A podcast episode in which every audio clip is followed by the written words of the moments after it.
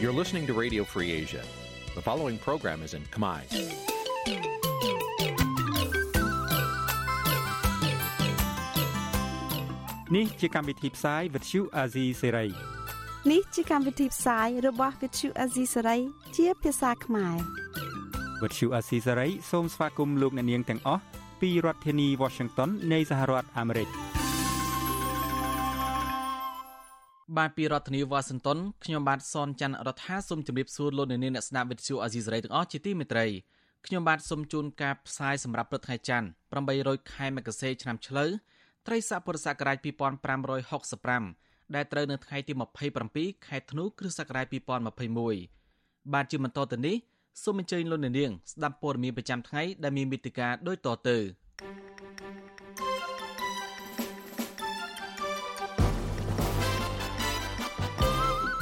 លេខនៃឆ្លងមេរោគបំផ្លែងថ្មីអូមីក្រុននៅកម្ពុជាមានចំនួនច្រើនជាងសេចក្តីរាយការណ៍របស់ក្រសួង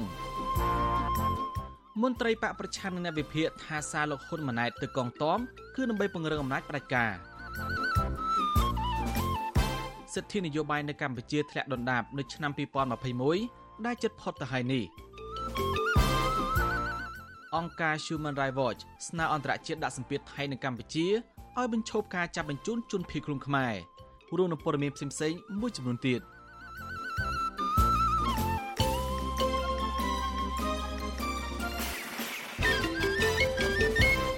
បាទជាបន្តទៅទៀតនេះខ្ញុំបាទសនចាររថាសូមជូនព័ត៌មានពិស្ដាតួលេខអ្នកឆ្លងមេរោគបំផ្លែងថ្មីអូមីក្រុននៅកម្ពុជាកើនខ្ពស់ហួសពីសេចក្តីរាយការណ៍របស់ក្រសួងសុខាភិបាល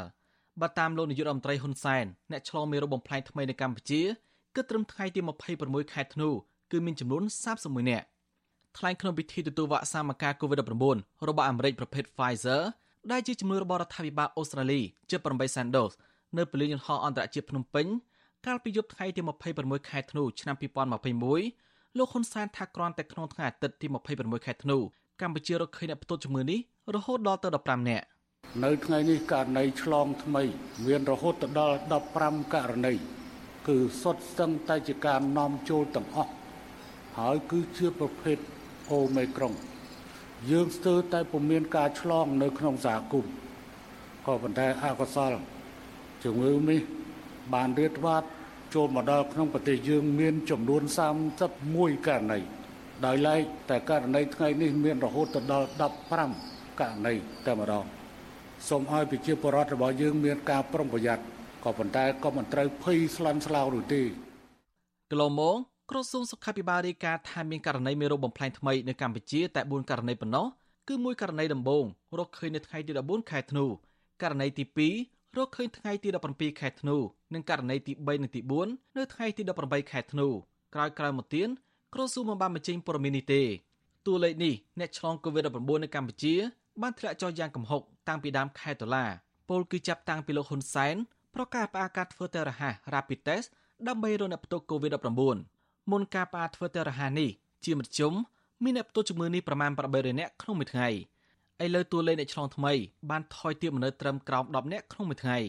ក្រសួងសុខាភិបាលកាលពីថ្ងៃទី26ខែធ្នូរាយការណ៍ថាអ្នកកើត COVID-19 មានត្រឹមតែ4នាក់បន្ថែមទៀតប៉ុណ្ណោះចំណែកករណីស្លាប់ដោយសារ COVID-19 ក្រសួងអះអាងថាមិនមាននោះទេមន្ត្រីវិទ្យាសាស្ត្រធ្លាប់ប្រមានថាការផ្អាកការធ្វើតេស្តរហ័សនិងយកតែលទ្ធផលតេស្ត PCR គឺជាគ្រោះថ្នាក់ធំមួយសម្រាប់ប្រជាខ្មែរ ដោយសារតែបាត់តួលេខនៃឆ្លងជាក់ស្ដែងដែលជាការពិនដែលមានចំនួនច្រើនលើសពីសេចក្តីរាយការណ៍ប្រចាំថ្ងៃរបស់ក្រសួងសុខាភិបាលបានលោកនៅនាងជាទីមន្ត្រីមន្ត្រីគណៈបកប្រឆាំងនឹងអ្នកវិភាគយល់ថាលោកហ៊ុនម៉ាណែតកំពុងផ្ញើសារពង្រឹងកងទ័ពដើម្បីធានាឲ្យសម្រេចបាននូវផែនការផ្ទៃអំណាចពីឪពុកតកូនដោយគ្មានការរារាំងនិងជោគជ័យនាពេលខាងមុខហើយមិនមែនដោយសារក្រមហេតុផលដើម្បីសង្គមជាតិនោះទេ ការលើកឡើងនេះបន្ទាប់ពីលោកហ៊ុនម៉ាណែត បានផ្ញើសារដាស់តឿនដល់កងទ័ពឲ្យបដូរផ្ដាច់ការពារសន្តិសុខសវត្ថិភាព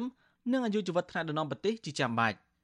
បានពីរដ្ឋធានីវ៉ាស៊ីនតោនលោកមុនណារ៉េតរាយការណ៍ព័ត៌មាននេះក្រោយខ្លាយជាបេក្ខជននាយករដ្ឋមន្ត្រីភ្លាមលោកហ៊ុនម៉ាណែតបានផ្ញើសារក្រើនរំលឹកជាថ្មី ថាកិច្ចការសំខាន់បំផុតរបស់កងទ័ពជើងគោកគឺត្រូវការពារសន្តិសុខសុវត្ថិភាពនិងអាយុជីវិតរបស់ថ្នាក់ដឹកនាំប្រទេស។ ស្របពេលដែលអ្នកខ្លាំមើលសង្គមនិងនយោបាយយល់ថាទួនាទីរបស់កងទ័ពគឺត្រូវស្មោះត្រង់និងត្រូវការពារជាតិសាសនាព្រះមហាក្សត្រនិងប្រជាពលរដ្ឋមន្ត្រីគណៈបពប្រឆាំងនិងអ្នកវិភាគមើលឃើញថាសាររបស់លហ៊ុនម៉ាណែតគឺជាសារពង្រឹងអំណាចគ្រួសារនិងបកពួកផ្នែកយោធាបន្ថែមទៀតដើម្បីជួយការពារទង្វើមិនគប្បីកន្លងមកតែប៉ុណ្ណោះ តំណាងរាជជាប់ឆ្នោតគណៈបកសង្គ្រោះជាតិនៅមណ្ឌលខេត្តសៀមរាបលោកអ៊ុំសំអាន ថ្លែងថាការដែលលោកហ៊ុនម៉ាណែតទើបក្លាយជាបេក្ខជននាយករដ្ឋមន្ត្រីនាពេលអនាគតហើយបញ្ចេញសារក្រានរំលឹកដល់កងទ័ពឲ្យការពារសវត្ថិភាពអាយុជីវិតថ្នាក់ដឹកនាំប្រទេសបែបនេះគឺជាចេតនាដើម្បីពង្រឹងអំណាចគ្រួសាររបស់លោកតែប៉ុណ្ណោះដោយសារតែកំពុងភ័យខ្លាចទៅនឹងស្រមោលនឹងអំពើអាក្រក់របស់ខ្លួន ដែលធ្វើបាបប្រជាពលរដ្ឋជាបន្តបន្ទាប់ និងទប់ស្កាត់ការងើបប្រឆាំងពីផ្ទៃក្នុងបកដើម្បីធានាការផ្ទេរតំណែងពីឪពុកទៅកូន ដោយជោគជ័យហើយបញ្ហានេះនឹងគ្រោះថ្នាក់ដល់ជាតិធ្ងន់ធ្ងរលោកយល់ថាបលូហ៊ុនម៉ាណែតនិងបកពួកជាមេដឹកនាំល្អនិងប្រទេសមានសន្តិភាពស្ថិរភាពនយោបាយពេញលេញដោយការអះអាងកន្លងមកមែននោះពួកគេមិនគួរខ្លាចអំពីសវត្ថិភាពផ្ទាល់ខ្លួន រហូតដល់បញ្ចេញសារដល់កងទ័ពបែបនេះនោះទេ ពួកគាត់និយាយថាការពារសន្តិភាពនោះគឺការពារអំណាចរបស់លោកហ៊ុនសែនការពារអំណាចរបស់លោកហ៊ុនម៉ាណែតហ្នឹងទេគ្រាន់ជាលេសរបស់គាត់ដើម្បីពង្រឹងអំណាចគាត់ថាអូគាត់ការពារសន្តិភាពការពារសុខភាពថ្នាក់ដឹកនាំអញ្ចឹងណាតកូលហ៊ុនហ្នឹងយកលុយទៅដើម្បីតែគាត់អង្គរៈការពារខ្លួនហើយពង្រឹងអំណាចហ្នឹងគឺគាត់ត្រូវបើកណ្ដាប់ណៃដែរគឺមកក្រាបទាំងក្នុងជួបបាក់ទាំងទៅលើប្រជាពលរដ្ឋអញ្ចឹងធ្វើឲ្យមានការរំលោភសិទ្ធិមនុស្សធ្ងន់ធ្ងរនិងមានការបំផ្លាញប្រជាធិបតេយ្យនិងការរៀបចំការបោះឆ្នោតដោយខ្លាំងខ្លាយ ការលើកឡើងនេះធ្វើឡើងបន្ទាប់ពីលោកហ៊ុនម៉ាណែតដែលមានតួនាទីជាមេបញ្ជាការកងទ័ពជើងគោកបានថ្លែងដាស់តឿនថាការការពារសន្តិសុខសวัสดิភាពនិងអាយុជីវិតថ្នាក់ដឹកនាំប្រទេសគឺជាភារកិច្ចចាំបាច់បំផុតរបស់កងទ័ពជើងគោកការថ្លែងនេះធ្វើឡើងនៅក្នុងពិធីបិទវគ្គវឹកវើជំនាញអង្គរៈពិសេស ចំនួនទី26និងបើកវគ្គបន្តចំនួនទី27នៅឯមជ្ឈមណ្ឌលបញ្ជាការដ្ឋានអង្គរៈភ្នំស្រង់ខេត្តកំពង់ស្ពឺកាលពីថ្ងៃទី25ខែធ្នូលោកបញ្ជាក់ថាមូលហេតុនៃការការពារសន្តិសុខនិងអាយុជីវិតថ្នាក់ដឹកនាំជាតិគឺជាកិច្ចការចាំបាច់បំផុតនោះពីព្រោះវាគឺជាកត្តាកំណត់ជោគវាសនា និងភាពនឹងនរទាំងបច្ចុប្បន្ននិងអនាគតរបស់ជាតិ លោកថាការឆ្លោះឆ្លួយណាមួយគឺអាចនឹងបង្កឥទ្ធិពលប៉ះពាល់ធ្ងន់ធ្ងរទៅដល់លំនឹងនិងស្ថិរភាពសង្គមសេដ្ឋកិច្ចសន្តិភាពនិងការអភិវឌ្ឍជាតិនិងតំបន់ទាំងមូលផងដែរការប្រកាសបែបនេះធ្វើឡើងក្រោយពេលដែលគណៈបកប្រជាជនកម្ពុជាកាលពីថ្ងៃទី24ខែធ្នូបានសម្រេចជាឯកច្ឆ័ន្ទជ្រើសតាំងលោកហ៊ុនម៉ាណែត ជាបេក្ខជននាយករដ្ឋមន្ត្រីនាពេលអនាគតតាមផែនការនិងការចង់បានរបស់លោកហ៊ុនសែន ក៏ប៉ុន្តែការត្រៀមស្នងតំណែងពីឪពុកទៅកូននេះត្រូវបានប្រជាពលរដ្ឋមួយចំនួនរិះគន់ថាផ្ដាល់គំរូអាក្រក់ដល់សង្គមហើយពួកគាត់គ្មានជំនឿថាលោកហ៊ុនម៉ាណែតអាចដើរចាក់ឆ្ងាយពីកន្លងផ្ដាច់ការរបស់ឪពុកលោកនោះទេតើតើនឹងរឿងនេះអ្នកសិក្សាការអភិវឌ្ឍសង្គមលោកបណ្ឌិតសេងសេរី មានប្រសាសន៍ថាតាមច្បាប់កងអង្គរៈមានទូនីតិនិងភារកិច្ចការពារសន្តិសុខសុវត្ថិភាពដល់ថ្នាក់ដឹកនាំក៏ប៉ុន្តែសាររបស់លោកហ៊ុនម៉ាណែតពេលនេះ ហាក់ផ្ទុយពីការអះអាងរបស់មន្ត្រីរដ្ឋាភិបាល ជាពិសេសឪពុករបស់លោក ដែលតែងតែប្រកាសស្ទើរគ្រប់កន្លែង ថាប្រទេសកម្ពុជាមានសន្តិភាពហើយលោកយល់ថាសារនោះក៏ទំនងជាបង្កប់ន័យថាសន្តិភាពបច្ចុប្បន្ននេះដែលឪពុករបស់គាត់បានសាងមក គឺមិនទាន់មានសវត្ថិភាពពេញលេញនៅឡើយទេ មានហេតុផលពី 3ដែលយើងអាចធ្វើការសន្និដ្ឋានបានទី1គឺអំណាចរបស់គណៈបព្វជិជនហ្នឹងគឺពេញដៃន័យថាគាត់គ្រប់គ្រងបានទាំងអស់ហើយទី2គឺមេតបអស់កងកម្លាំងប្រដាប់អាវុធអស់ សិតសឹងតែជាសមាជិករបស់គណៈបកកណ្ដាលអំណាចឬគណៈបកប្រជាជនគាត់ជាមន្ត្រីរាជការផងគាត់ជាសមាជិកគណៈបកផងហើយវានឹងផ្ទុយពីច្បាប់ទៅទៀតច្បាប់បានប្រាប់ឲ្យថាកងទ័ពកម្លាំងអភិជាក្រិតដែលការពារមិនមែនការពារគណៈបកនយោបាយទេទី2ឃើញថាកម្មការបោះឆ្នោតគឺគ្រប់គ្រងដោយគណៈបកប្រជាជនទៅទៀតទី3នឹងគណៈបកប្រឆាំងដែលកម្លាំងគម្រាមកំហែងឬក៏ចលនានយោបាយដែលគម្រាមកំហែងដល់អំណាចរបស់គណៈបកកម្មាណាចនឹងក៏កំពុងតែមានសញ្ញាបែកបាក់ លោកបណ្ឌិតសេងសេរីសង្កេតឃើញរូបភាពនៃការផ្ទេរអំណាចពីលោកនាយរដ្ឋមន្ត្រីហ៊ុនសែនទៅកូនប្រុសច្បងរបស់គាត់គឺលោកហ៊ុនម៉ាណែតអាចនឹងកើតមានឡើងនៅឆ្នាំ2023ខាងមុខនេះដូច្នេះការបញ្ចេញសារទៅកាន់កងអង្គរៈអាចបញ្ជាក់កាន់តែច្បាស់បន្ថែមទៀតថាធ្វើឡើងដើម្បីធានាដល់ការផ្ទេរអំណាចដោយរលូនផងដែរ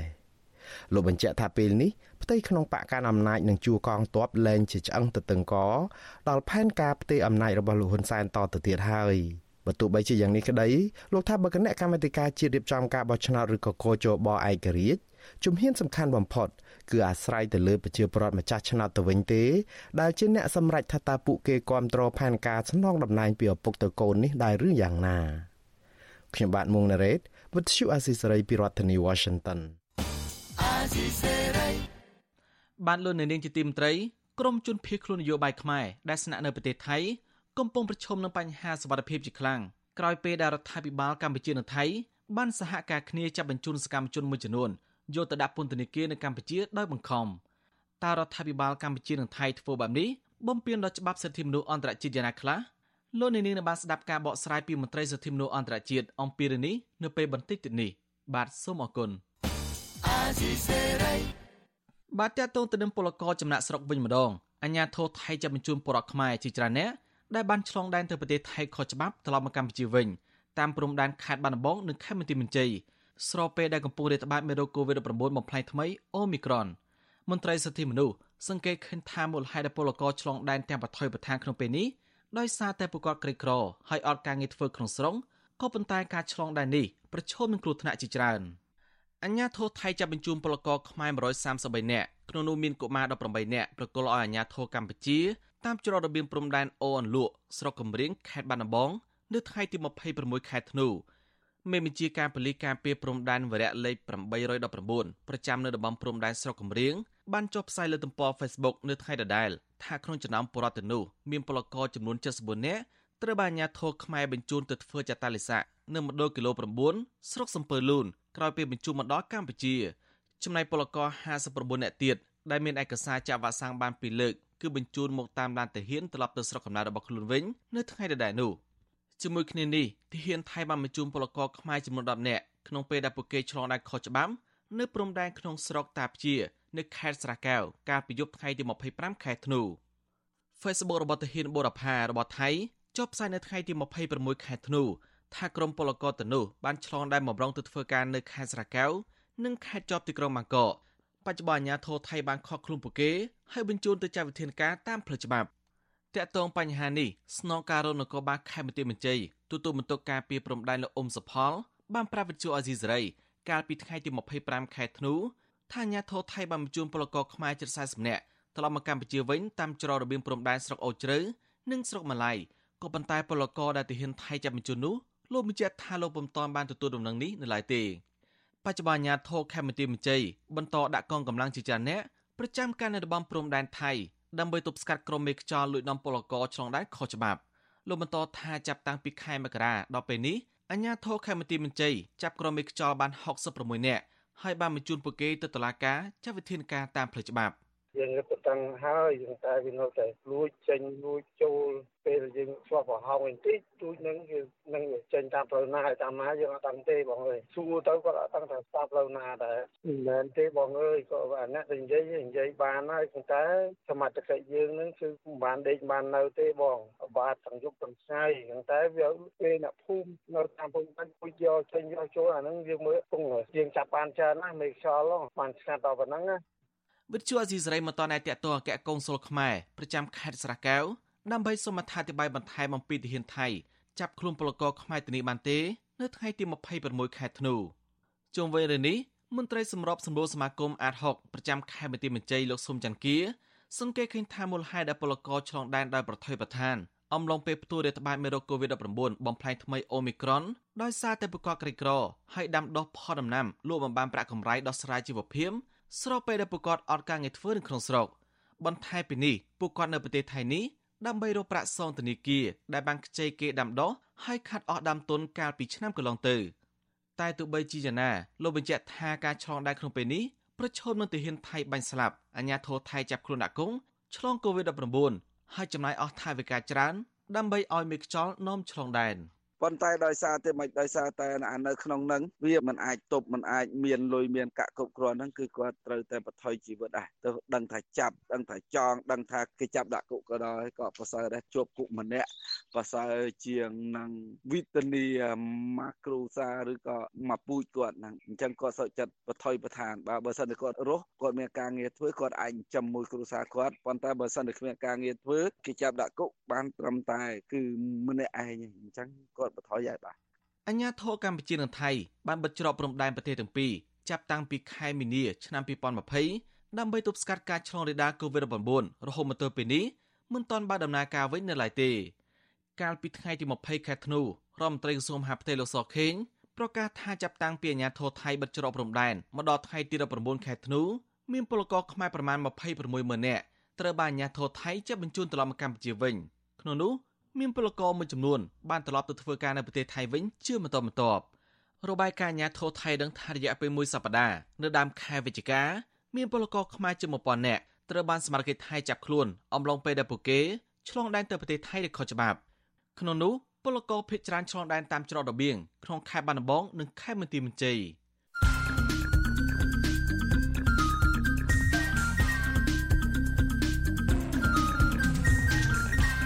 បទសំភារ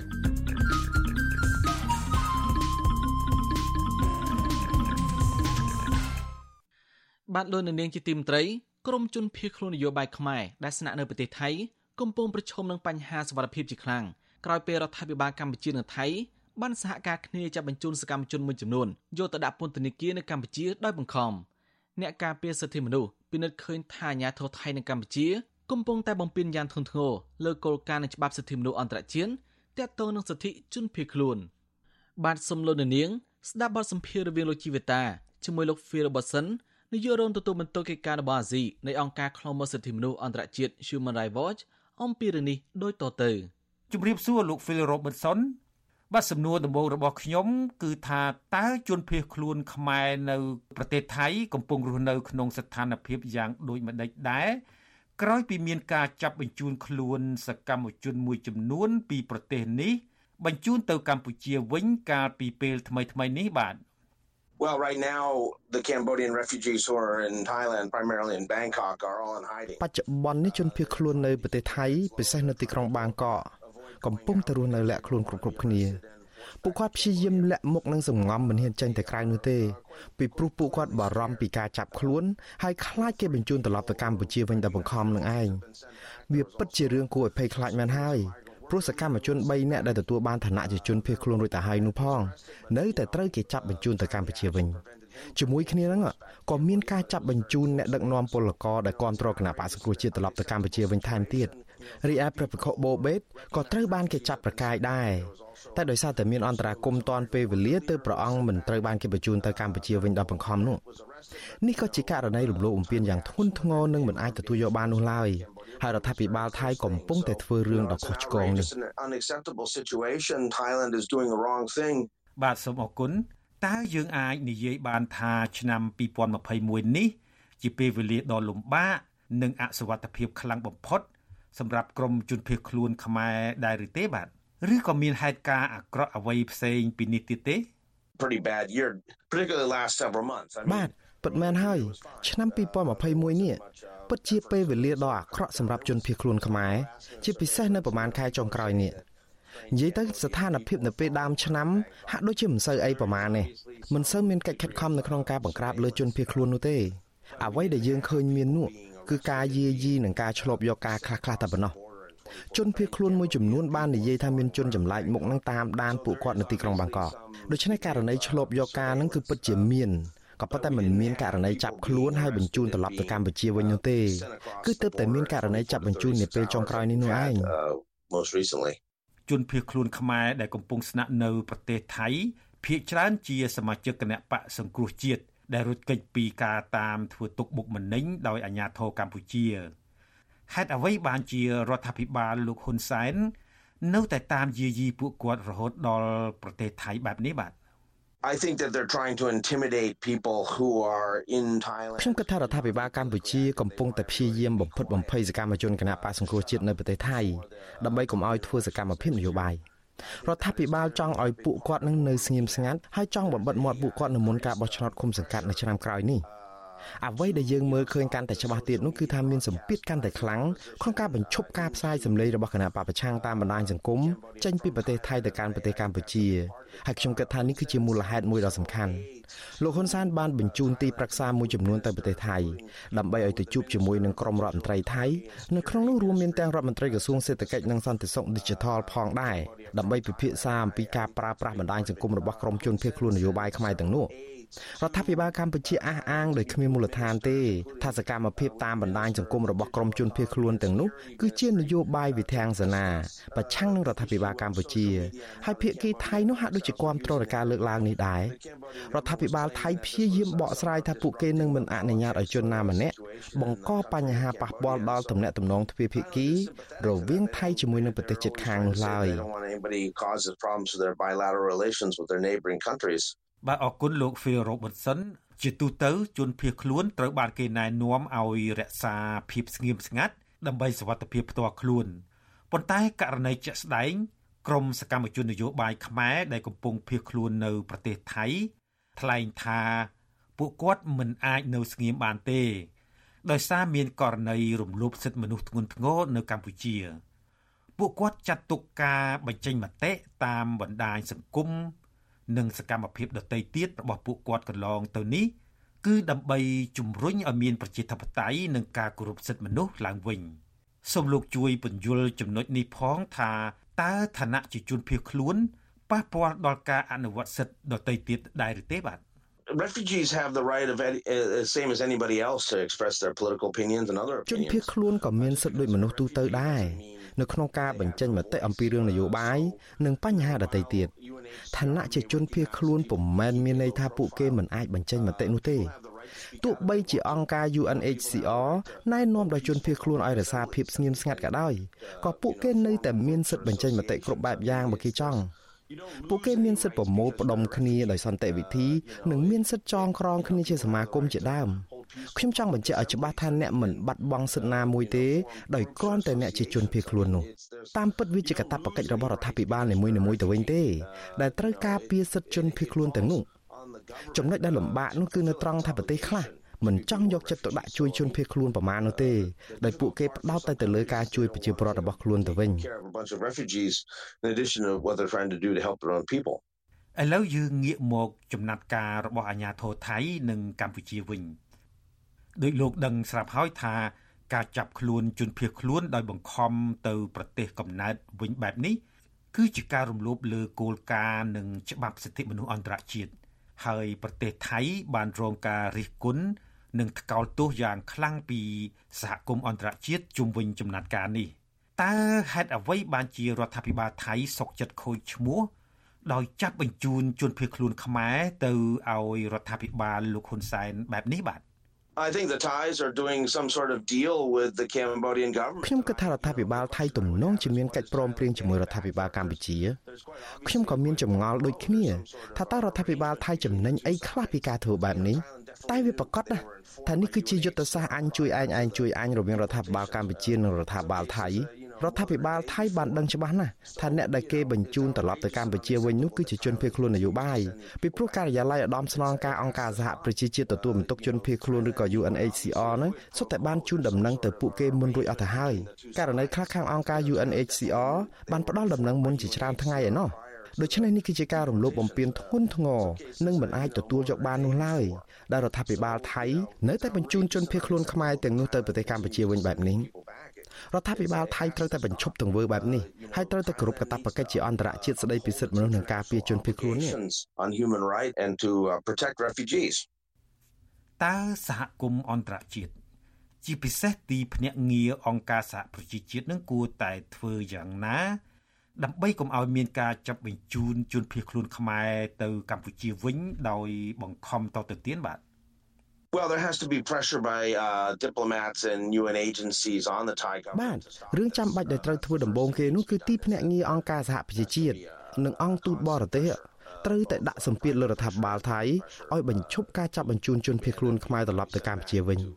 សម្ពាធនោះទៀតសោត ត្រូវតែធ្វើឡើងព្រមព្រមគ្នាទាំងជាសាធារណៈនិងជាលក្ខណៈឯកជនដើម្បីឲ្យអាជ្ញាធរថៃបញ្ឈប់ទង្វើរំលោភបំពានបែបនេះក៏ប៉ុន្តែសម្ពាធទាំងនោះក៏ត្រូវដាក់លើរដ្ឋាភិបាលកម្ពុជាដែរព្រោះពួកគេនឹងឯងដែលជាអ្នកស្នើឲ្យចាប់បញ្ជូនជនភៀសខ្លួនខ្មែរពីក្រៅប្រទេសមកវិញរដ្ឋាភិបាលកម្ពុជាចាំបាច់ត្រូវតែទទួលមេរៀនឈឺចាប់ខ្លះពីសហគមន៍អន្តរជាតិពាក់ព័ន្ធនឹងរឿងនេះ បាទសូមអរគុណច្រើនលោក Phil Robertson ចំពោះការផ្ដល់បទសម្ភាសន៍ដល់ Vithu Azizi នេះពេលនេះបាទ Alright take care បាទសូមអរគុណបាទលោកនាងទៅបានស្ដាប់បទសម្ភាសន៍រវាងលោកជីវិតាជាមួយលោក Phil Robertson ដែលជានាយករងទទួលបន្ទុកកិច្ចការរបស់អាស៊ីនៃអង្គការឃ្លាំមើលសិទ្ធិមនុស្សអន្តរជាតិ Human Rights Watch អំពីបញ្ហារដ្ឋាភិបាលកម្ពុជានិងថៃបានសហការគ្នាបញ្ជូនសកម្មជនមួយចំនួនយកទៅដាក់ពន្ធនាគារនៅកម្ពុជាដោយបង្ខំ។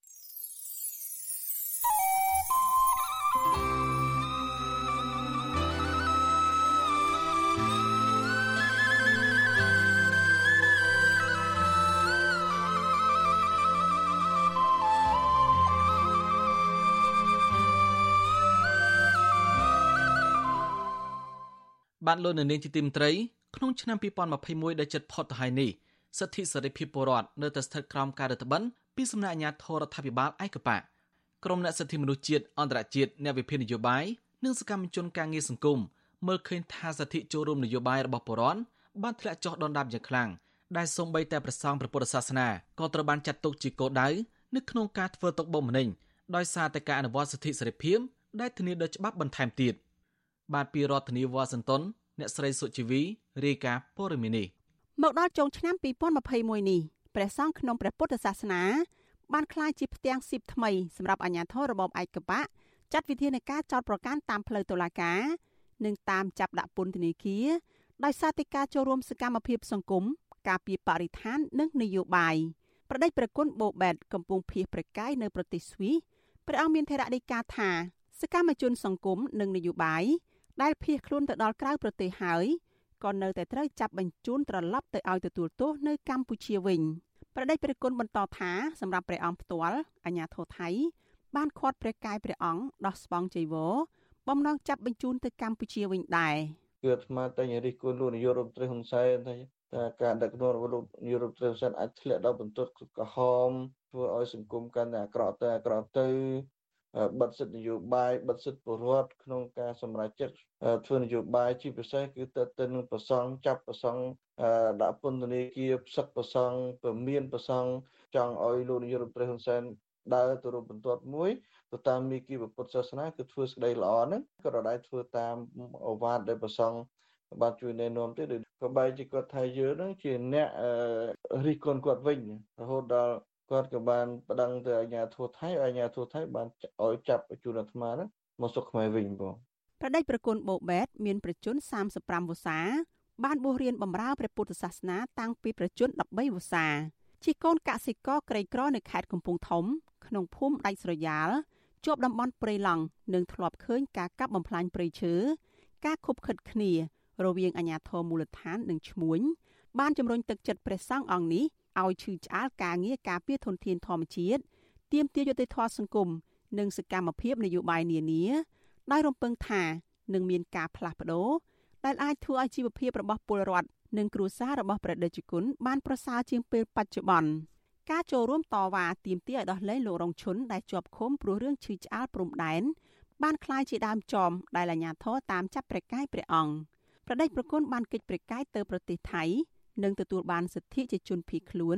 ទទួលស្គាល់ដោយទីភ្នាក់ងារអង្គការសហប្រជាជាតិទទួលបន្ទុកសិទ្ធិជនភៀសខ្លួន UNHCR មិនខុសគ្នានេះទេសកម្មជនគណៈបកសង្គ្រោះជាតិ4នាក់ត្រូវអាជ្ញាធរខ្មែរនិងថៃសហការគ្នា ចាប់បញ្ជូនទៅដាក់ពន្ធនាគារព្រៃសរក្នុងនោះរួមមាន លោកវឿនវាសនាហៅក្រញូងព្រៃឡង់លោកវឿងសំណាង លោកស្រីឡាញ់ថាវរី និងលោកមិចហៀងដែលអ្នកទាំងនោះជាជនភៀសខ្លួន ទទួលស្គាល់ដោយ UNHCR រឿងរ៉ាវទាំងនេះកើតឡើងនៅពេលដែលក្រមប្រទេសនិយមប្រជាធិបតេយ្យនិងអង្គការសហប្រជាជាតិចង់ឃើញកម្ពុជាបើកចំហសិទ្ធិពលរដ្ឋនិងសិទ្ធិនយោបាយឡើងវិញ នៅមុនការបោះឆ្នោតកិច្ចពិភាក្សាប្រចាំឆ្នាំ2021ជាមួយអ្នករាយការណ៍ពិសេសរបស់អង្គការសហប្រជាជាតិលោកវិទិតមុនតបនកាលពីពេលថ្មីៗនេះតំណាងប្រទេសប្រជាធិបតេយ្យមានទាំងអឺរ៉ុបអាមេរិក និងអូស្ត្រាលី បានលើកឡើងពីការរួមតូចនៃលំហប្រជាធិបតេយ្យនិងសង្គមស៊ីវិលការបង្ក្រាបមកលើគណៈបកប្រឆាំងការបង្កើនការឆ្លប់យកការតាមអនឡាញកង្វះប្រព័ន្ធផ្សព្វផ្សាយឯករាជ្យនិងការរឹតបន្តឹងមកលើសេរីភាពនៃការបញ្ចេញមតិ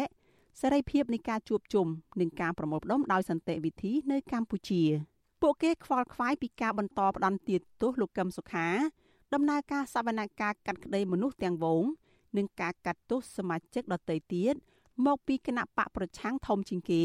ព្រមទាំងការបន្តរដ្ឋបិទសកម្មភាពចូលរួមផ្នែកនយោបាយនៅមុនការបោះឆ្នោតនៅក្នុងឆ្នាំ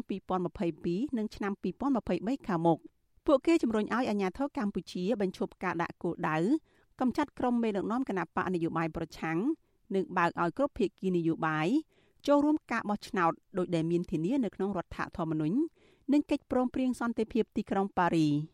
យ៉ាងណាក៏ដោយលោកនាយករដ្ឋមន្ត្រីហ៊ុនសែននៅឆ្នាំ2021នេះលោកប្រកាសជាសាធារណៈដដែលដដែលថានឹងតាមកំចាត់ក្រុមប្រឆាំងដល់ជីវិតចុងក្រោយអញ្ចឹងទុកឲ្យខ្ញុំលេងដើម្បីលេងជាមួយនឹងពួកអាជ្រុលនិយមការពារសន្តិភាពនេះខ្ញុំលេងយកឯងឲ្យជាប់សិនហើយដើម្បីខ្ញុំត្រួសត្រាយផ្លូវសម្រាប់ក្មេងចតក្រោយខ្ញុំដាក់កម្មវិធីចេញដំណើរហើយចេញដំណើរបន្ទាប់ពីការបើកប្រទេសឡើងវិញទៅលើករណី COVID លោកហ៊ុនសែនថែមទាំងបានរៀបចំឲ្យកូនប្រុសគឺលោកហ៊ុនម៉ាណែតធ្វើជានាយករដ្ឋមន្ត្រីបន្តពីលោកដែលនាំឲ្យមានការរិះគន់ថាលោកហ៊ុនសែនកំពុងតែនាំកម្ពុជាឲ្យក្លាយជាប្រទេសផ្ដាច់ការបែបតវងត្រកូលលើសពីនេះលោកហ៊ុនសែនក៏នៅតែអះអាងដែរថាមិនអោនក្បាលចំពោះការគៀបសង្កត់ពីបរទេសដែលលោកសម្ដៅដល់ក្រមប្រទេសប្រជាធិបតេយ្យនោះឡើយតម្លៃណាក៏ដោយហ៊ុនសែនមិនអាច អោនក្បាលទទួលយកការគៀបសង្កត់ណាមួយដែលនាំទៅដល់អស្ថិរភាពនិងបាត់សន្តិភាពរបស់ប្រទេសនេះហ៊ុនសែនសូមប្រកាសសារជាថ្មីម្ដងទៀតនៅស្រុកកំណើតរបស់ខ្លួនទោះបីអស់បលាយ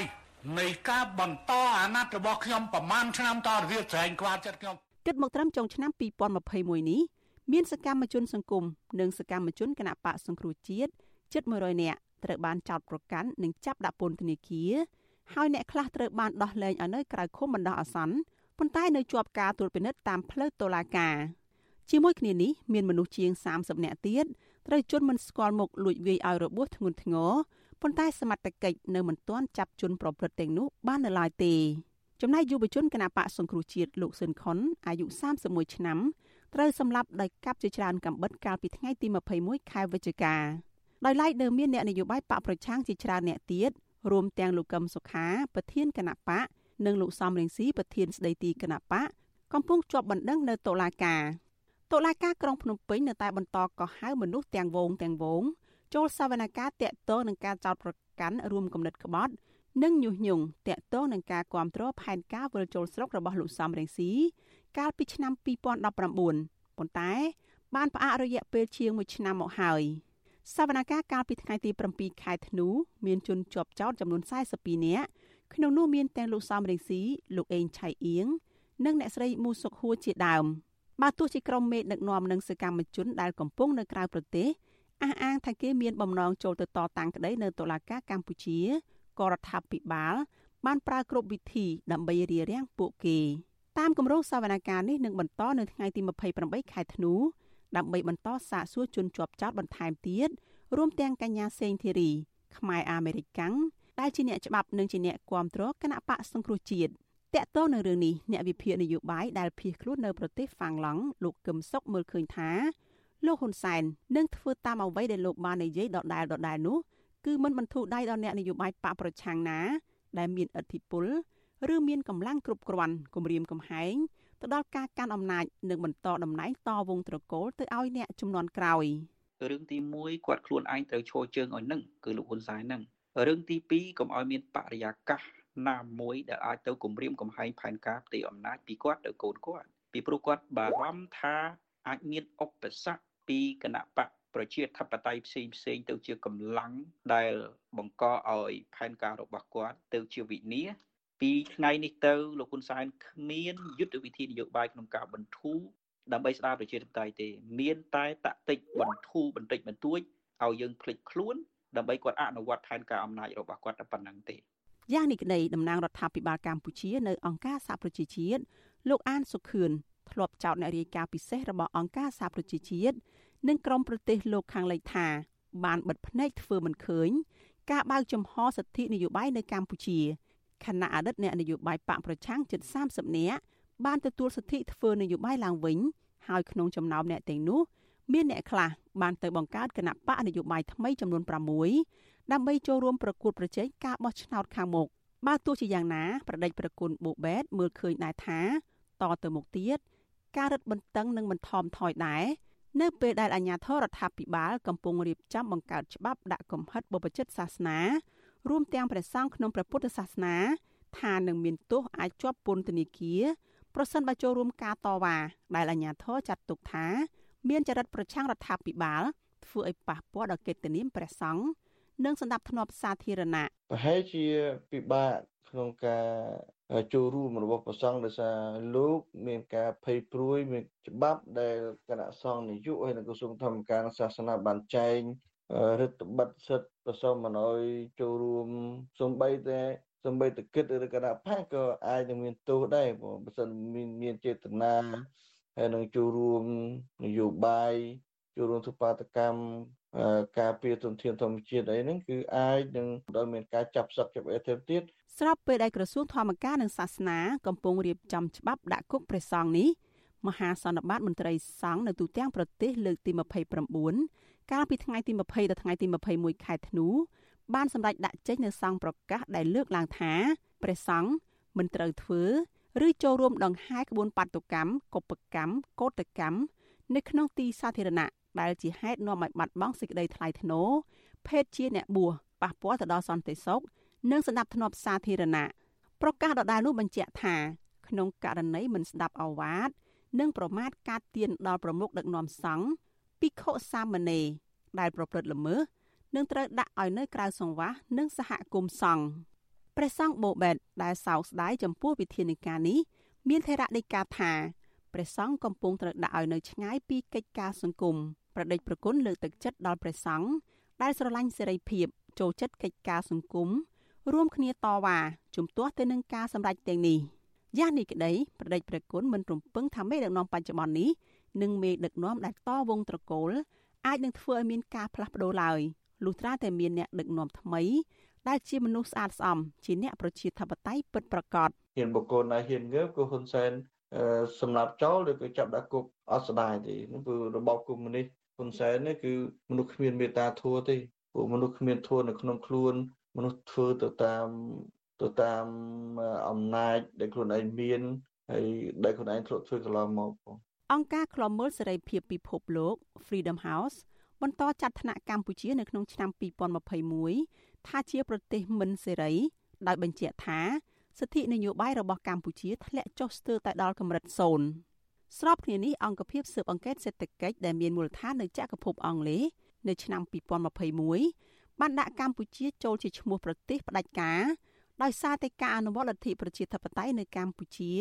នៅតែបន្តដាំក្បាលចុះនៅក្នុងរយៈពេល10ឆ្នាំចុងក្រោយនេះចំណាត់ថ្នាក់នេះធ្វើឡើងផ្អែកលើសូចនាករសំខាន់សំខាន់ចំនួន5ក្នុងនោះរួមមាន ដំណើរការបោះឆ្នោត និងពហុបក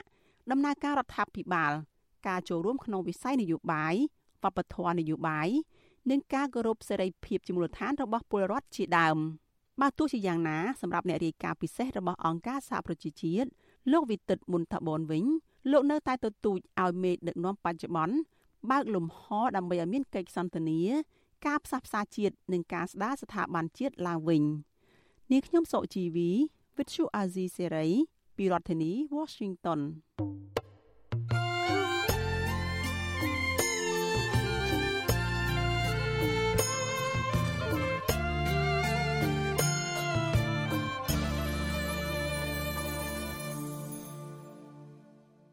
បានលោកនៅនាងជាទីមត្រី អ្នកខ្លោមើសង្គមនិងអ្នកវិភាគនយោបាយមើលរំពឹងថាក្នុងឆ្នាំ2022ខាងមុខនេះកម្ពុជាអាចមានរឿងរ៉ាវល្អៗឬក៏មានដំណោះស្រាយនយោបាយថ្មីទៅតាមឆ្នាំ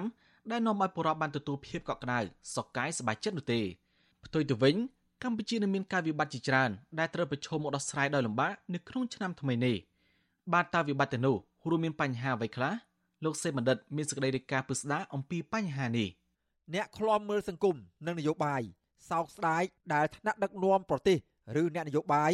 មិនអាចនាំសេចក្តីសុខក្សេមក្សាន្តជូនដល់ជាតិមាតុភូមិនិងប្រជាពលរដ្ឋរបស់ខ្លួនឲ្យបានដូចពាក្យថា ឆ្នាំថ្មី មានសេរីសួស្តីមានជ័យជំនះថ្មីនោះឡើយលើសពីនេះពួកគាត់មើលឃើញទៀតថាទាំងមន្ត្រី និងប្រជាពលរដ្ឋត្រូវវិច្ចស្ពាយវិបត្តិពីឆ្នាំចាស់មកដោះស្រាយនៅឆ្នាំថ្មី ហើយនឹងមានបូកថែមនៅវិបត្តិថ្មីថែមទៀតសម្រាប់ឆ្នាំ2022 ព្រះដេចគុណបុត្របន្ទិញស្ថាបនិកបណ្ដាញព្រះសង្ឃឯករាជ្យដើម្បីយុទ្ធធរសង្គមមានធរណីកាថា ឆ្នាំថ្មី គឺថ្មីតែឆ្នាំទេ ចំណែករឿងរ៉ាវអវិជ្ជមាន ឬសមិទ្ធផលនានាដែលថ្មី ដែលគួរឲ្យអបអរសាទរនោះនឹងមិនមានទេផ្ទុយទៅវិញប្រតិជនថានឹងមានរឿងរ៉ាវអវិជ្ជមានថ្មី3ថែមទៀតនឹងអាចកើតមាននៅក្នុងឆ្នាំថ្មីនោះរឿងថ្មីទី1គឺនៅដើមឆ្នាំ2022នោះតែម្ដង លោកនាយករដ្ឋមន្ត្រីហ៊ុនសែនដែលគេផ្ដល់រហ័សនាមថាបរោះសង្ហាដើរបញ្ច្រាស់ទិសក្នុងនាមជាប្រធានអាស៊ានផង បានត្រៀមដំណើរទស្សនកិច្ចទៅកាន់ប្រទេសភូមាឬមីយ៉ាន់ម៉ាដែលធ្វើឲ្យមានការរិះគន់ច្រើន និងនាំឲ្យមានការប្រមាថមើលងាយបន្ថែមទៀតផងនោះនឹងធ្វើឲ្យប៉ះពាល់ដល់កេរ្តិ៍ឈ្មោះកម្ពុជា និងអាស៊ានផងដែរចំណែករឿងរ៉ាវអវិជ្ជមានថ្មីទី2គឺការបោះឆ្នោតក្រុមប្រឹក្សាឃុំសង្កាត់នៅឆ្នាំ2022 ដែលនឹងមានគណៈបកច្រើនចូលរួមក៏ប៉ុន្តែគុណភាពឬឥទ្ធិពលនៃមេដឹកនាំគណៈបកទាំងនោះมันអាចប្រគល់ប្រជែងយកឈ្នះគណៈបកកណ្ដាលអំណាចបានឡើយហើយការបោះឆ្នោត2022ហ្នឹងវាអវិជ្ជមានចំពោះប្រជាពលរដ្ឋខ្មែរហើយវាមានប្រយោជន៍ចំពោះអ្នកធ្វើនយោបាយដែលរត់ដូចទេសចរឬក៏ហៅថាអ្នកដែលបង្កើតទីផ្សារគណៈបកនយោបាយហ្នឹងគឺពួកគាត់ត្រូវប៉ាន់ណាគាត់ បានទទួលផលពីក្រមអ្នកមានអំណាចខ្លះយ៉ាងទៅគាត់បានទទួលផលពីប្រជាពលរដ្ឋដែលចង់បានការផ្លាស់ប្ដូរខ្លះទៅគាត់បានទទួលផលពីក្រមទុច្ចរិតខ្លះទៅព្រោះគេបើជំរុញឲ្យគាត់ធ្វើដើម្បីបង្ហាញការបែកបាក់នៅក្នុងសង្គមកម្ពុជាព្រះដេចគុណបុត្របន្ទិញមានថេរដីកាបន្តថាក្នុងឆ្នាំ2022អាចមានរឿងអាក្រក់ធំមួយចំនួនទៀតដែលមិនធ្លាប់មានតាំងពីសម័យពុទ្ធកាលរហូតដល់សម័យបច្ចុប្បន្នកាល នោះគឺការបង្កើតច្បាប់ថ្មីមួយ ដើម្បីគ្រប់គ្រងតម្លៃសាសនា ដែលនឹងមានការដាក់ទោសដល់អ្នកបួសណា ដែលហ៊ានចូលរួមនៅក្នុងសកម្មភាពនយោបាយឬការចូលរួមធ្វើបាតកម្មឬតស៊ូមតិដើម្បីប្រយោជន៍អ្វីមួយ ដើម្បីសង្គមជាតិឬសហគមន៍ក៏ដោយអ្នកប៊ូសណាដែលចូលរួមសកម្មភាពនយោបាយនឹងចាប់ទៅប្តឹងទៀតទូរហូតដល់ 7ទៅ5ទៅ10ឆ្នាំដែលវាអត់មានតាំងពីសម័យពុទ្ធកាលរហូតមកដល់បច្ចុប្បន្នទៅតែកើតមានត្រៀមនឹងកើតមាននៅក្នុងឆ្នាំ2022ហើយក្នុងសម័យដែលមានបរោះសង្ហាខ្លាំងតែឈ្មោះប៉ុនរស់អាសោចគេបូនឹងអាត្មាមើលឃើញរដ្ឋាភិបាលក្រសួងធម្មការនិងសាសនា បានរៀបចំធ្វើសេចក្តីព្រាងច្បាប់ស្តីអំពីសាសនានេះឡើង តាំងពីឆ្នាំ2013មកម្លេះក៏ប៉ុន្តែទើបនឹងលេចចេញជារូបរាងច្បាស់នៅចុងឆ្នាំ2021 មន្ត្រីសិទ្ធិមនុស្សនិងព្រះសង្ឃយល់ស្របគ្នា ថាខ្លឹមសារនៃសេចក្តីព្រាងច្បាប់ស្តីអំពីសាសនានោះ ដែលកំណត់ទោសទណ្ឌរហូតដល់ដាក់គុកព្រះសង្ឃឬអ្នកបួសដែលទៅចូលរួមធ្វើបាតកម្មដោយអហិង្សា រហូតរាប់សិបឆ្នាំនោះ គឺមានចរិតនយោបាយនិងមិនបានបំរើដល់ផលប្រយោជន៍សាសនានិងការលើកស្ទួយសិទ្ធិមនុស្សឡើយដោយឡែកអ្នកសិក្សាស្រាវជ្រាវផ្នែកភូមិសាស្ត្រនយោបាយលោកវ៉ាន់ប៊ូណាមើលឃើញថា កម្ពុជានឹងមិនមានអ្វីប្រែប្រួលធំដុំនោះទេនៅឆ្នាំ2022ក៏ប៉ុន្តែលោកបារម្ភថាកម្ពុជាអាចផុងខ្លួនជ្រៅចូលទៅក្នុងភូមិសាស្ត្រនយោបាយរបស់មហាអំណាចចិនសម្រាប់ឆ្នាំ2022ហ្នឹង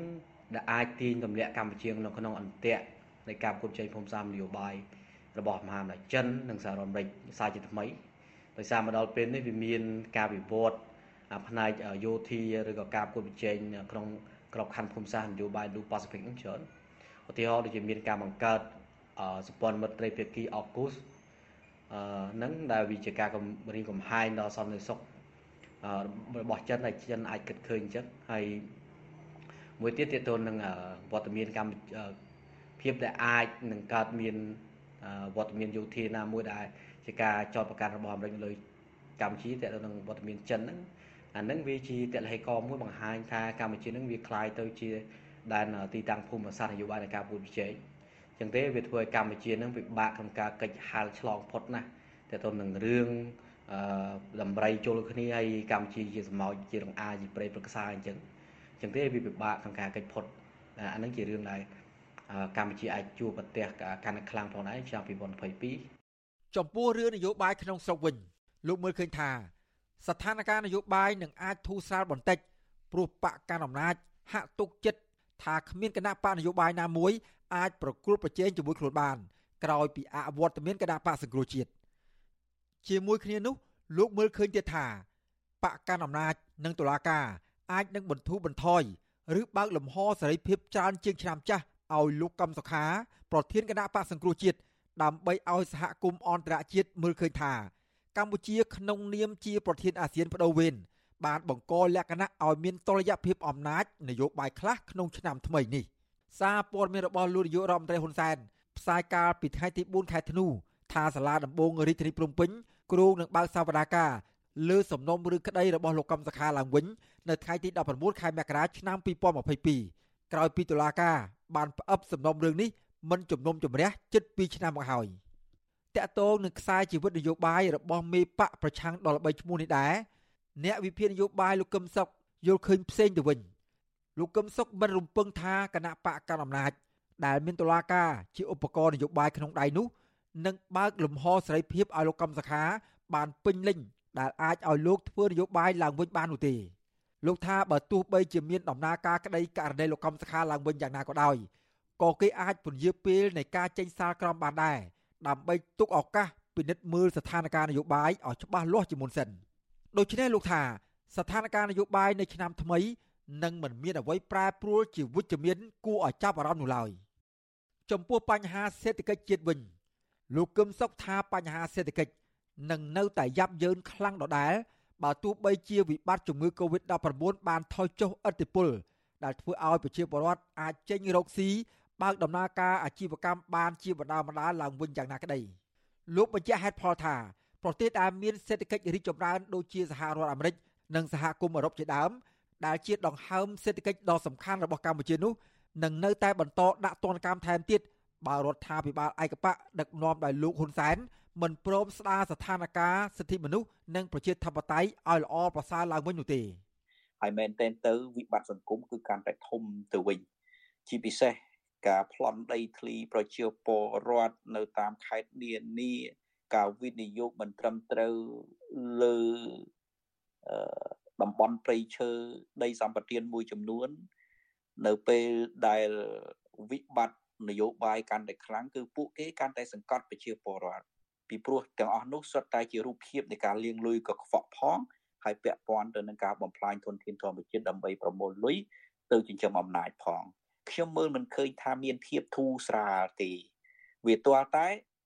ក្រុមអ្នកវិជាតបតៃនេះចេះធ្វើការរួមគ្នាហើយតទល់នឹងក្រុមលោកហ៊ុនសែនទើបមានសង្ឃឹមមានភាពធូរស្រាលខ្លះពាក់ព័ន្ធនឹងវិបត្តិសង្គមនិងអាជីវកម្មក្នុងឆ្នាំថ្មីវិញព្រះដេចគុណបុត្របន្ទិញមានធរណីកាថាដោយសារតែស្ថានភាពនយោបាយអាក្រក់តាំងពីឆ្នាំចាស់មកនោះធ្វើឲ្យមានវិបត្តិធំ3ដែលកម្ពុជាត្រូវហែកឆ្លងកាត់ដ៏លំបាក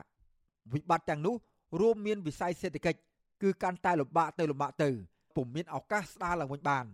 ដោយរងផលប៉ះពាល់ពីវិបត្តិនយោបាយផងជំងឺ Covid-19 ផង និងសម្ពាធពីអន្តរជាតិផងហើយផលវិបាកចំពោះមុខសេដ្ឋកិច្ចកម្ពុជានេះអាចនឹងជួបឧបសគ្គទាំងវិស័យទេសចរអចលនគ្រឿបនិងផលិតផលក្នុងស្រុកហ្នឹងគឺពិបាកនឹងរកទីផ្សារនឹមចេញព្រោះ ប្រទេសដទៃគឺគេមិនទាន់បានបើកលំហូរប្រទេសធំដុំអីចឹងទេវានៅតែចង្អៀតនៅលើដូច្នេះហើយវិបត្តិនៅចំពោះមុខហ្នឹងគឺវិបត្តិសេដ្ឋកិច្ចព្រះដេចគុណមានធរណីកាបន្តថាវិបត្តិនយោបាយជាបញ្ហាដ៏ធំមួយសម្រាប់ឆ្នាំ2022ពីព្រោះរយៈពេល4ឆ្នាំកន្លងទៅចំនួននយោបាយបានកើតមានរវាងខ្មែរនិងខ្មែរក៏ប៉ុន្តែនៅពេលខាងមុខនេះទៀតគឺជាចំនួនដណ្ដើមភូមិសាស្ត្រនយោបាយរបស់មហាអំណាចចិនដែលយកលោកហ៊ុនសែនធ្វើជាកូនអុកពេញទំហឹង ក្រៅពីនេះនៅមានវិបត្តិមួយចំនួនទៀតគឺបញ្ហាសុខាភិបាលវិស័យអប់រំដែលនឹងអាចបន្តធ្លាក់ចុះជាបន្តបន្ទាប់ទៀតទោះបីជាឆ្លងផុតពីវិបត្តិជំងឺ Covid-19 ហើយយ៉ាងណាក្តីពាក់ព័ន្ធនឹងការស្វែងរកដំណោះស្រាយលើបញ្ហាអស់ទាំងនេះទាំងប្រតិជនបុតបន្ទិញនិងអ្នកខ្លាំមើលសង្គមដទៃទៀតនៅតែមានសុទិដ្ឋិនិយមថាទោះបីជាមានវិបត្តិធំប៉ុណ្ណាក៏ដោយក៏នៅតែអាចដោះស្រាយបានដែរឲ្យតែប្រជាពលរដ្ឋខ្មែរ អ្នកនយោបាយគ្រប់និន្នាការថ្នាក់ដឹកនាំជាតិផ្លាស់ប្ដូរអេរយាប័តចាស់ចេញជំនួសមកវិញដោយអេរយាប័តថ្មីដូចឆ្នាំថ្មី មានការយោគយល់គ្នាក្នុងនាមជាកូនខ្មែរដូចគ្នាដោយងាកមកគិតពីរឿងការកសាងជាតិជាធំ នោះវិបត្តិទាំងឡាយនឹងអាចដោះស្រាយបាននិងអាចនាំប្រទេសឈានទៅរកភាពប្រសើររុងរឿងឡើងវិញបានជាមិនខានខ្ញុំបាទសេកបណ្ឌិតវិទ្យុអាស៊ីសេរីពីរដ្ឋធានីវ៉ាស៊ីនតោន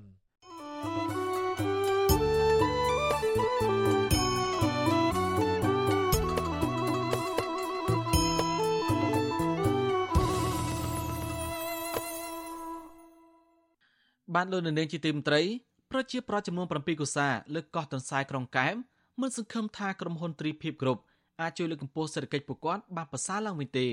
ពួកគាត់សង្កេតឃើញថាក្រុមហ៊ុនបានឈូសឆាយធនធានព្រៃឈើជីវៈចម្រុះលើកោះព្រមទាំងមានការរដ្ឋបិទកន្លែងដែលធ្លាប់មានភ្ញៀវទេសចរទៅកំសាន្តដែលធ្វើឲ្យពួកគាត់ពិបាករកប្រាក់ចំណូលនិងជីវភាពកាន់តែដុនដាបបានពីរដ្ឋធានីវ៉ាស៊ីនតោនលោកជីវិតារាយការណ៍ព័ត៌មាននេះ រមណីយដ្ឋានកោះទុនសាយដែលមានចម្ងាយប្រមាណ7គីឡូម៉ែត្រពីកំពង់ផែក្រុងកែបបច្ចុប្បន្នកំពុងរងការឈូសឆាយធនធានជីវៈចម្រុះដីព្រៃដីកោះដែលធ្វើឲ្យបាត់បង់សម្រស់ដើមជាបណ្ដាបណ្ដាហើយ បន្ទាប់ពីមានគម្រោងអភិវឌ្ឍរបស់អង្គការទ្រីភិប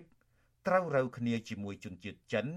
ប្រែក្លាយតំបន់នោះទៅជាទីក្រុងទំនើបគម្រោងវិនិយោគក្រោមស្លាកអភិវឌ្ឍមួយនេះ បានលេចចេញជារូបរាងជាបន្តបន្ទាប់ស្របពេលដែលពលរដ្ឋមិនសប្បាយចិត្តបារម្ភពីការបណ្តេញចេញលែងឲ្យអាស្រ័យផលនៅថ្ងៃអនាគតលើសពីនេះ ពួកគាត់ក៏មិនរំពឹងថាគម្រោងអភិវឌ្ឍបែបក្រុងរណបមួយនេះនឹងជួយលើកកម្ពស់ជីវភាពពួកគាត់ទាំង7គ្រួសារឲ្យមានភាពល្អប្រសើរនោះទេដោយសារតែក្រុមហ៊ុនបានបំផ្លិចបំផ្លាញព្រៃឈើជាមលុបបៃតងដ៏ស្រស់ត្រកាលដែលធ្លាប់តាក់ទាញភ្ញៀវអន្តរជាតិ បាត់បង់អស់មួយចំនួនធំរួចទៅហើយពលរដ្ឋម្នាក់និងជាអ្នកបម្រើសេវាកម្មភ្ញៀវទេសចរនៅលើកោះទុនសាយប្រាប់អាស៊ីសេរីនៅថ្ងៃទី26ខែធ្នូថាក្រោយពីមានវត្តមានជនជាតិចិនធ្លាប់ចុះសិក្សាពីគម្រោងនិងមានវត្តមានក្រុមហ៊ុនរបស់អ្នកមានអំណាចនៅតំបន់រមណីយដ្ឋានប្រវត្តិសាស្ត្រកោះទុនសាយនេះបានធ្វើឲ្យចំនួនភ្ញៀវទេសចរធ្លាក់ចុះយ៉ាងគំហុកហើយជីវភាពគ្រួសាររបស់លោកស្រីក៏ធ្លាក់ចុះដុនដាបដែរ លោកស្រីបញ្ជាក់ថាដើមហេតុសំខាន់ដែលមិនសូវមានភ្ញៀវមកកំសាន្តកោះនេះដោយសារតែពួកគេពិបាករកកន្លែងស្នាក់លំហែកាយតាមបែបធម្មជាតិនិងដើរលេងកំសាន្តជុំវិញផ្ទៃកោះបានទូលំទូលាយដូចពេលកន្លងទៅនោះទេលោកស្រីក៏មិនសង្ឃឹមថាការអភិវឌ្ឍនៅកោះមួយនេះនឹងធ្វើឲ្យប្រជាពលរដ្ឋមានជីវភាពធូរធារដែរពីព្រោះគម្រោងរបស់ក្រុមហ៊ុនទំនងជាបង្កើតឡើងសម្រាប់ផ្គាប់ចិត្តតែអ្នកមានលុយ អ្នកមានអំណាចមកកំសាន្តតែប៉ុណ្ណោះ។ខ្ញុំនិយាយទៅខ្ញុំអត់សង្ឃឹមថាពួកខ្ញុំនឹងអាចរីកចម្រើនជាងមុនទេដោយសារតែពួកខ្ញុំតូចតាផ្ទះតូចតាអញ្ចឹងណាហើយពួកខ្ញុំគ្មានលទ្ធភាពមានដើមទុនអីធ្វើឲ្យសាឬក៏គ្មានលទ្ធភាពណាដើម្បីបើកអីមួយឲ្យភ្ញៀវដើម្បីគាត់មកកន្លែងពួកខ្ញុំទេដោយសារពួកខ្ញុំរស់ទីរាល់ថ្ងៃតាមតម្រៃដែលចំណូលតិចតួចដែល ចូលមកយើងទៅក៏បារម្ភដែរបារម្ភខ្លះថ្ងៃក្រោយទៅបាត់បង់ភ្ញៀវដែលធ្លាប់មកកន្លែងទស្សនៈយើងបើកទូចតាចមួយនេះហ្នឹងហើយគាត់អត់អត់មានគ្នាមកកន្លែងហ្នឹងយើងចំណាយដើមទុនពីមុនមកអញ្ចឹងយើងខ្លាចខាតខ្លាចអីចឹងណាស្រដៀងគ្នានេះដែរអាជីវករម្នាក់ទៀតនៅលើកោះទុនសាយលោកស្រីមេស្រីណាតឲ្យដឹងថាពលរដ្ឋទាំងអស់នៅលើកោះនេះនិងភ្ញៀវទេសចរភៀកច្រើនមិនសប្បាយចិត្តជាមួយគម្រោងខ្នាតយក្សនេះឡើយ លោកស្រីបន្តទៀតថាកន្លងទៅ ប្រជាពលរដ្ឋទាំង7គ្រួសារតែងតែប្រឈមនឹងការបណ្តេញចេញឲ្យឡើងលើគោកជាបន្តបន្ទាប់ពីសំណាក់ក្រុមហ៊ុនចិននិងអ្នកមានអំណាចក្រុមហេតុផលយកទីកោះទាំងមូលនេះដើម្បីអភិវឌ្ឍលោកស្រីអះអាងថាតំបន់រមណីយដ្ឋានកោះទុនសាយនឹងបាត់រូបរាងដើមក្នុងរយៈពេលដ៏ខ្លីខាងមុខដែលធ្វើឲ្យខាតបង់ប្រយោជន៍ពលរដ្ឋម្ចាស់ស្រុក ហើយអ្នកដែលចំណេញគឺឈ្មួញជនជាតិចិននិងក្រុមបុគ្គលអ្នកមានអំណាច។ តាមត្រង់ហ្មងកោះទៅតាឈប់ហួររឿងដេញប្រជាជនចេញប្រហែលជា4 10ឆ្នាំហ្នឹងឯងបងតែហ្នឹងមានចិនបងចិនគាត់ចង់វិនិយោគបងភ្ញៀវតែគាត់ចង់ដើរលេងគាត់ចេះមកសាមុនគាត់ពេញហ្នឹងគាត់មិនតាន់វិនិយោគភ្ញៀវទៅបោះតង់បោះអីនៅនឹងបានហ្នឹងបងឥឡូវហ្នឹងលឺសូអធៈលឺសូអីឡានអីក្ដុំក្ដាំងភ្ញៀវក៏អត់សូវមកដែរហ្នឹងកាលពីមុនពេលខែហ្នឹងអីយើងអាចមានភ្ញៀវបានច្រើនណាស់ហើយណាមួយតែភ្ញៀវបរទេសអីតែលឺសូក្ដុំក្ដាំងហ្នឹងគាត់ថាគាត់អត់ចូលចិត្តទេគាត់ថារមណីយដ្ឋានប្រវត្តិសាស្ត្រកោះទុនសាយស្ថិតនៅចំណុចទិសខាងកើតផ្ទៃកោះដែលមានឆ្នេរសក្បុសដ៏ស្រស់ស្អាតឈ្មោះកំពង់ដើមថ្នោតព្រមទាំងមានទេសភាពស្រស់ត្រកាលភ្ញៀវទេសចរជាតិនិងអន្តរជាតិដែលធ្លាប់ទៅកំសាន្តជិះទូកលំហែកាយបោះតង់ស្ទួយត្រីនៅតំបន់នោះត្រូវក្រុមហ៊ុនរបស់លោកទ្រីភិបរដ្ឋបិទផងដែរលោកទ្រីភិបជាអ្នកជំនួយស្និទ្ធនឹងលោកនាយករដ្ឋមន្ត្រីហ៊ុនសែន ហើយក៏ជាមេឈ្មួញព្រៃឈើដ៏ល្បីឈ្មោះមិនល្អម្នាក់ដែលមានការគ្រប់គ្រងពីរដ្ឋាភិបាលវិទ្យុអាស៊ីសេរីមិនអាចតាក់ទងសុំការបកស្រាយជុំវិញរឿងនេះពីអ្នកនាំពាក្យក្រសួងបរិស្ថានលោកនេតភក្ត្រានិងតំណាងក្រុមហ៊ុនលោកឡាយថារដ្ឋបានទេ នៅថ្ងៃទី26ខែធ្នូចំណែកអភិបាលខេត្តកែបលោកសោមពិសិដ្ឋនិងអ្នកនាំពាក្យសាលាខេត្តនេះលោកវ៉ាវសុខា ក៏អាស៊ីស្រីមិនអាចតាក់ទងបានដែរដោយទូរស័ព្ទហៅចូលជាច្រើនដងគ្មានអ្នកទទួលពលរដ្ឋនៅលើកោះទុនសាយឲ្យដឹងថា កាលពីដើមខែវិច្ឆិកាកន្លងទៅអាជ្ញាធរមូលដ្ឋានដឹកនាំដោយលោកសោមពិសិដ្ឋបានចុះត្រួតពិនិត្យនិងអះអាងប្រាប់ប្រជាពលរដ្ឋនៅចំពោះមុខថាទោះបីជារមណីយដ្ឋានកោះទុនសាយជាតំបន់អភិរក្សក្រុមហ៊ុនក៏អាចប្រែក្លាយកោះនេះជាទីក្រុងទំនើបស្របតាមគោលការណ៍នយោបាយរបស់រដ្ឋាភិបាល ដើម្បីរួមចំណែកលើកកម្ពស់សេដ្ឋកិច្ចជូនប្រជាពលរដ្ឋមូលដ្ឋានឲ្យមានជីវភាពកាន់តែប្រសើរក្រមយុវជននិងសង្គមស៊ីវិលដែលតាមដានរឿងនេះទាមទារដល់ក្រសួងពាក់ព័ន្ធនិងក្រុមហ៊ុនធ្វើយ៉ាងណាឲ្យប្រជាពលរដ្ឋធ្លាប់អាស្រ័យផលនៅទីនោះមិនទទួលរងការបណ្តេញចេញ និងអនុវត្តគម្រោងប្រកបដោយតម្លាភាពមានការទទួលខុសត្រូវខ្ពស់លើធនធានធម្មជាតិសមាជិកបណ្ដាញយុវជនកម្ពុជាលោកសាន់ម៉ាឡា យល់ថាអាញាធរពពាន់នឹងក្រុមហ៊ុន គួរណាតែមានការព្រមព្រៀងគ្នាជាមួយពលរដ្ឋដោយធានាថាมันមានការបណ្ដេញពួកគាត់នៅថ្ងៃខាងមុខលើសពីនេះក្រុមហ៊ុនគួរតែសម្រួលដល់ប្រជាពលរដ្ឋតូចតាចអាចប្រកបរបរស្មើភាពគ្នាជាមួយក្រុមហ៊ុន ដោយមិនមានការរឹតបន្តឹងនិងបំបត្តិសិទ្ធិសេរីភាពក្នុងការប្រកបរបរនៅលើកោះនោះបន្ថែមពីនេះលោកក៏សង្ឃឹមថាក្រុមហ៊ុននឹងទទួលខុសត្រូវខ្ពស់លើបរិស្ថាន ដោយតំណាងក្រុមហ៊ុនធ្លាប់អះអាងនាពេលកន្លងទៅ។ បាទហើយការអភិវឌ្ឍកន្លងមកដែលយើងមើលឃើញថាបង្កនៅផលប៉ះពាល់ចំពោះបរិស្ថាន បាទវានឹងនាំឲ្យមានទំនាស់បាទរវាងប្រជាពលរដ្ឋមូលដ្ឋាន និងក្រុមហ៊ុន បាទដូច្នេះខ្ញុំគិតថាដើម្បីបញ្ជៀសបញ្ហាទាំងអស់នេះអាជ្ញាធរពាក់ព័ន្ធគួរតែជំរុញបាទឲ្យក្រុមហ៊ុនធ្វើការសិក្សាបានម៉ត់ចត់និងច្បាស់លាស់ជាមួយគ្នានេះដែរ អ្នកសម្របសម្រួលគម្រោងធុរកិច្ចនិងសិទ្ធិមនុស្សនៃមជ្ឈមណ្ឌលសិទ្ធិមនុស្សកម្ពុជាលោកវ៉ាន់សុផាតជឿជាក់ថាគម្រោងវិនិយោគក្រមស្លាកអភិវឌ្ឍបែបទីក្រុងទំនើបមួយនេះនឹងអាចធ្វើឲ្យកំណើនភ្ញៀវទេសចរធ្លាក់ចុះព្រោះលោកយល់ថាភ្ញៀវទេសចរទៅកំសាន្តភៀកច្រើន ទៅទស្សនាធនធានជីវៈចម្រុះនិងលំហែកាយតាមបែបធម្មជាតិលោកទៀមទាយ៉ាងទទូចដល់អាជ្ញាធរនិងក្រុមហ៊ុន ត្រូវតែសិក្សាពីផលប៉ះពាល់បរិស្ថានឲ្យច្បាស់លាស់ធ្វើយ៉ាងណាត្រូវរក្សាគម្របព្រៃឈើឲ្យខ្ពស់និងមានការធានាដល់សិទ្ធិពលរដ្ឋធ្លាប់អាស្រ័យផលនៅតំបន់នោះ រដ្ឋាភិបាលហ្នឹងលោកគិតគូរពីជីវភាពជាពលរដ្ឋផងកុំឲ្យទៅគូតែចំណូលរដ្ឋចឹងអាហ្នឹងគឺមានតែចំណូលរដ្ឋហើយប្រជាពលរដ្ឋគាត់អត់ចំណូលអាហ្នឹងក៏សេដ្ឋកិច្ចជាតិយើងវាអត់អាចលូតលាស់វាអត់អាចរីកចម្រើនបានដែរតែទៅទៅវិញនៅថ្ងៃណាមួយវាជាបន្ទុករបស់រដ្ឋដែលធ្វើឲ្យប្រទេសយើងមានការអន្តរជាតិខាងផ្នែកសេដ្ឋកិច្ចណាក្រុមហ៊ុន Tripip Group ទទួលសិទ្ធិវិនិយោគនៅកោះទុនសាយលើទំហំផ្ទៃដីជាង100ហិកតារយៈពេល55ឆ្នាំ គម្រោងវិនិយោគខ្នាតយក្សមួយនេះចំណាយទឹកប្រាក់ជាង100លានដុល្លារសម្រាប់អភិវឌ្ឍកោះទុនសាយឲ្យคล้ายទៅជាទីក្រុងរណបទំនើបនិងបង្កើតភូមិរមណីយដ្ឋានទេសចរ resort កន្លែងស្នាក់នៅលំហែកាយបឹងក្លូស្ថាគារផ្កាយ5និងទីកន្លែងសម្រាប់លេងកីឡាតាមមាត់ឆ្នេរប្រជាពលរដ្ឋទាំង7គ្រួសារដែលកំពុងស្នាក់អាស្រ័យផលនៅលើកោះនេះប្រកាន់ជំហរថាបើទោះបីពួកគេរងផលប៉ះពាល់ ក៏ពួកគេសង្ឃឹមថាក្រុមហ៊ុននឹងមិនបណ្ដេញពួកគេចេញនោះទេ កាលពីដើមខែធ្នូឆ្នាំ2019កន្លងទៅសាររដ្ឋអាមេរិកបានប្រាច្បាប់ Global Magnitsky Act ដាក់ទណ្ឌកម្មក្រុមហ៊ុនទាំង11របស់លោកទ្រីភិបដោយសហរដ្ឋអាមេរិកចោទថាលោកទ្រីភិបបានកັບកេងបំផ្លាញធនធានធម្មជាតិប្រព្រឹត្តអំពើពុករលួយជាប្រព័ន្ធនិងរំលោភសិទ្ធិមនុស្សធ្ងន់ធ្ងរនៅកម្ពុជាខ្ញុំជីវិតាអាស៊ីសេរី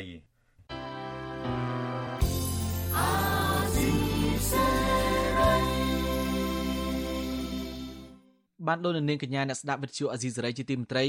ការផ្សាយរយៈពេល1ម៉ោងនៃវិទ្យុអាស៊ីសេរីនៅពេលនេះចប់តែប៉ុណ្ណេះយើងខ្ញុំសូមជូនពរដល់លោកនាងព្រមទាំងក្រុមគ្រួសារទាំងអស់ឲ្យជួបប្រកបតែនឹងសេចក្តីសុខចម្រើនរុងរឿងកុំបីឃ្លៀងឃ្លាតឡើយខ្ញុំបាទសនចាររថាព្រមទាំងក្រុមការងារទាំងអស់នៃវិទ្យុអាស៊ីសេរីសូមអរគុណនិងសូមជម្រាបលា